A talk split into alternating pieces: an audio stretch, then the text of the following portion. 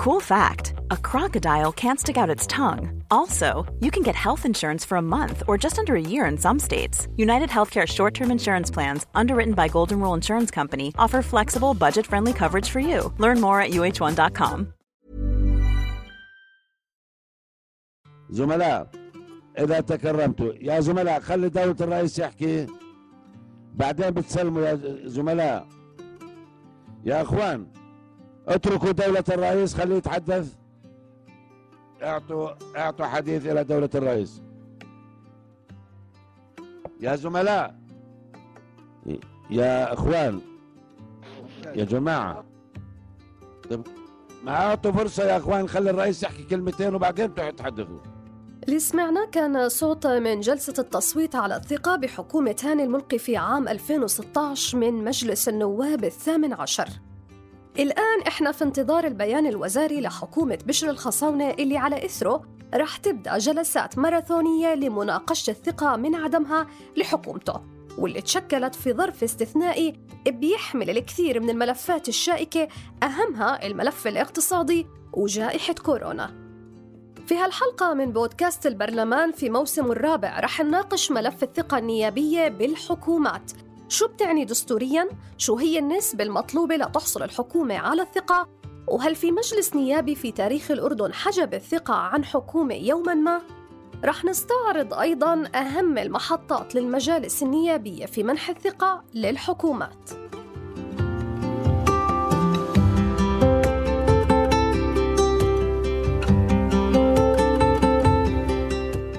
أول حكومة تتقدم ببيانها الوزاري للمرة الأولى كانت حكومة توفيق أبو الهدى العاشرة في 4 تشرين الثاني عام 1952 أما المجلس الوحيد اللي راح باتجاه حجب الثقة عن الحكومة كان المجلس السابع في عام 1963 واللي الجلسة كانت حول نقاش الثقة بحكومة سمير رفاعي الجد اللي بناء عليها تم إسقاط الحكومة بعد تشكيلها بأقل من ثلاث أسابيع.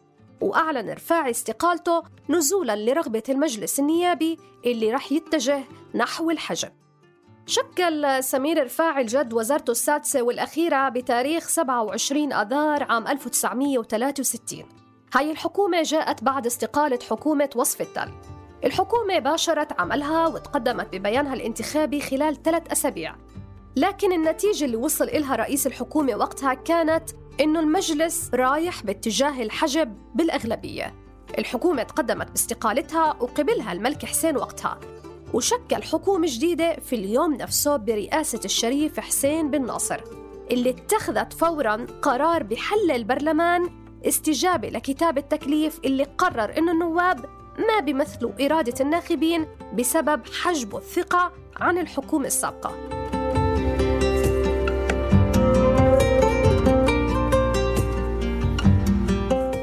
الحكومة اللي حصلت على الثقة بالإجماع من مجلس النواب فكانت الحكومة الأولى لسعد جمعة اللي شكلت في 23 أبريل 1967 وكان هذا بسبب توقيع الأردن اتفاقية دفاع مشترك مع مصر في عهد جمال عبد الناصر ومع العراق في عام 1967 طيب بعد هيك كيف كان شكل مناقشات النواب للبيان الوزاري للحكومة؟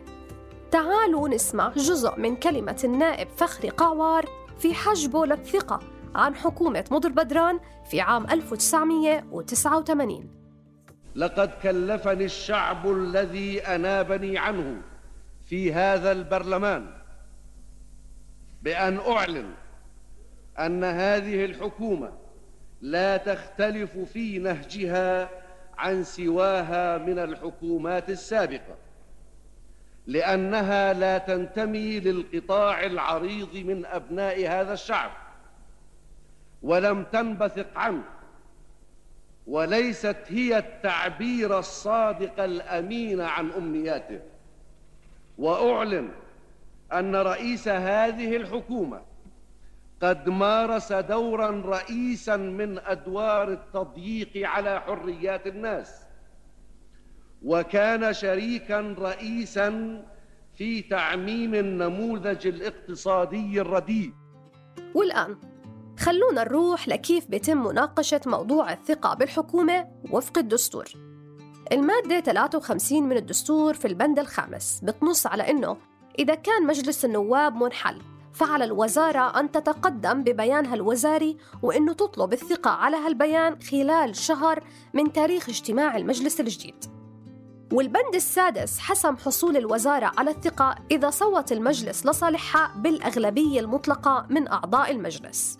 البند السادس حسم حصول الوزارة على الثقة إذا صوتت لصالحها الأغلبية المطلقة من أعضاء مجلس النواب. وبالتالي تم اشتراط حصول الحكومة على ثقة الأغلبية. بمعنى أن الحكومة لازم تحصل على ثقة 66 نائب على الأقل. أما الغائبين والممتنعين والحاجبين فبتم حسابهم لمصلحة عدم الثقة. زملاء نتائج التصويت على النحو التالي. 79 ثقة حجب 42 وامتناع 2 وغياب 6 والمجموع 124 يعني أولا نبارك إلى دولة الرئيس بثقة مجلس النواب وأعانه الله على تحمل مسؤولياته. بالإضافة لذلك المادة 84 في البند الثالث حددت شكل التصويت إذا كان متعلق بالاقتراع على الثقة بالوزارة أو بأحد الوزراء بحيث بتم إعطاء الأصوات بالمناداة على الأعضاء بأسمائهم وبصوت عالي. وهو اللي بوضحه رئيس مجلس النواب الثامن عشر عند التصويت على الثقة بحكومة عمر الرزاز السابقة.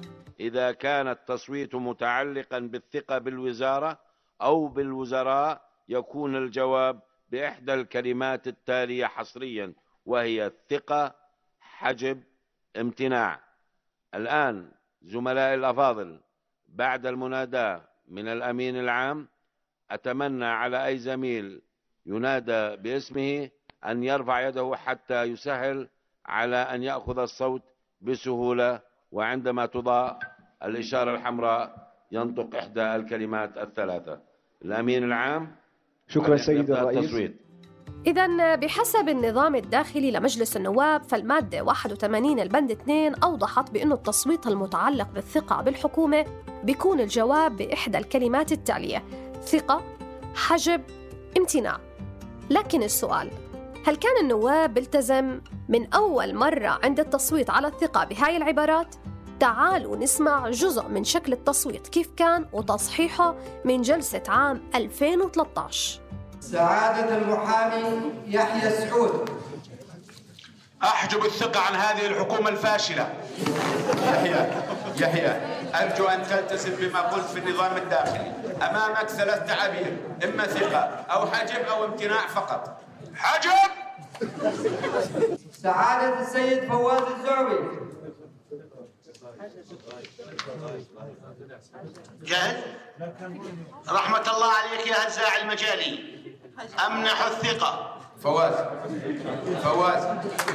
فواز تلتزم تلتزم تلتزم بالمصطلح. إما أن تحجب أو تعطي الثقة أو تمتنع بدون تعليم. سئة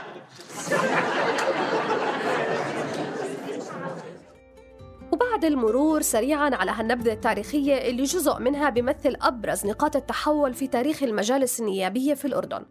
بنرجع لحكومة بشر الخصاونة اللي بتستعد لمشاورات كتل برلمانية قبيل البدء ببيانها الوزاري.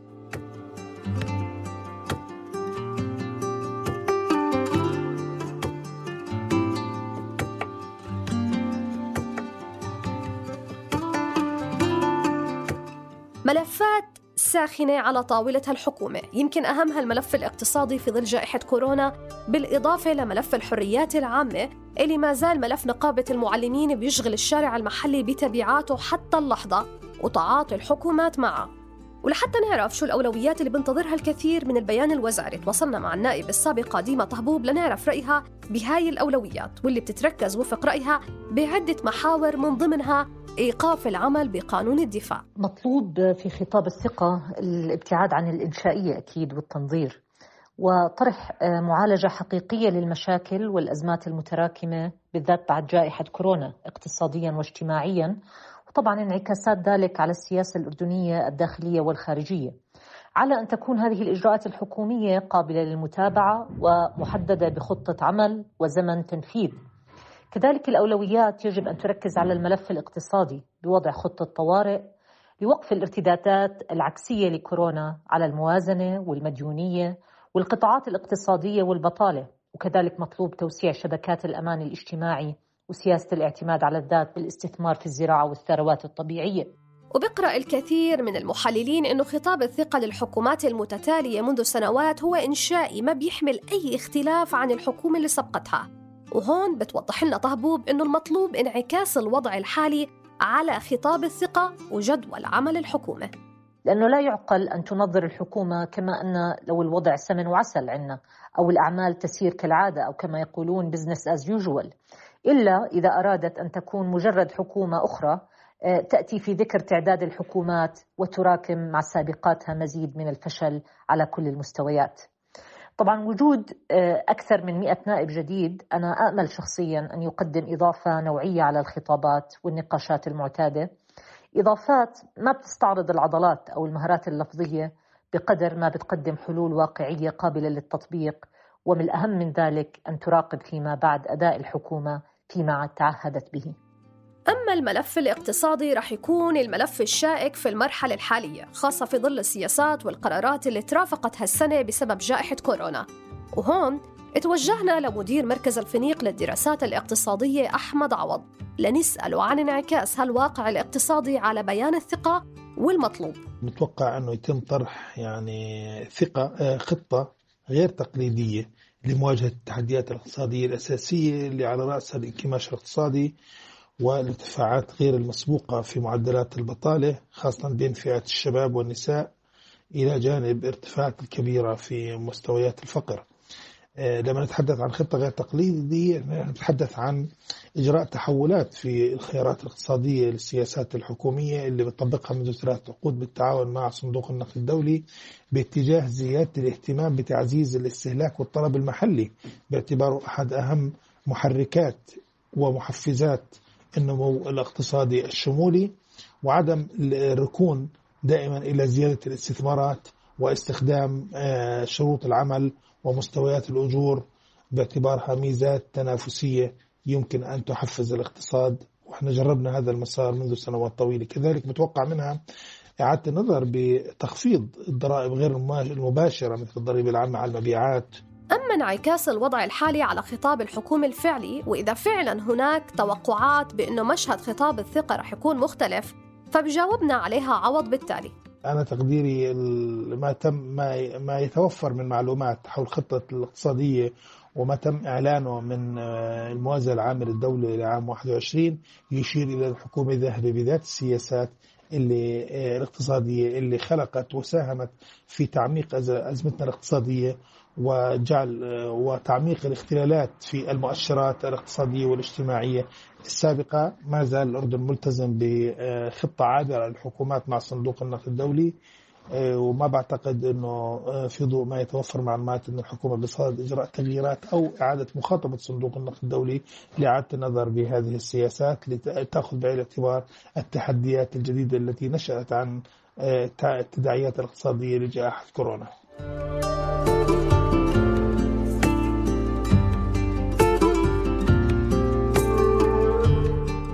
نهاية هالحلقة من بودكاست البرلمان أتاحت المادة 107 من النظام الداخلي لمجلس النواب لرئيس المجلس بموافقة المجلس. تحديد الوقت اللي بيشوفه مناسب لكل عضو أو كتلة أو ائتلاف نيابي عند مناقشة الثقة. وهون رح نكون بانتظار هالجلسة اللي رح تحدد شكل المجلس في المرحلة القادمة.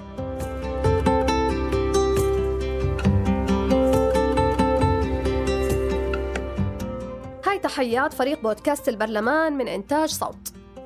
حسان مهرة من الإخراج الصوتي. من التحرير صابرين طه. بيان عاروري من البحث. كنت معكم بالإعداد والتقديم هبة عبيدات.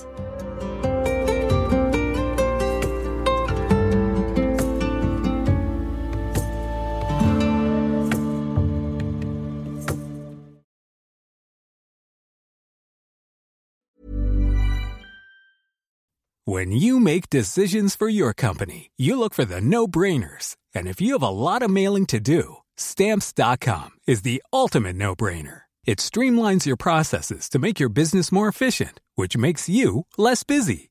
Mail checks, invoices, legal documents, and everything you need to keep your business running with Stamps.com. Seamlessly connect with every major marketplace and shopping cart. Schedule package pickups and see your cheapest and fastest shipping options from different carriers with rates up to 89% off USPS and UPS rates. And with the Stamps.com mobile app, you can take care of mailing and shipping wherever you are. Make the same no-brainer decision as over 1 million other businesses with Stamps.com. Sign up with Code PROGRAM for a four-week trial, plus free postage and a free digital scale. No long-term commitments or contracts. That's Stamps.com. Code PROGRAM.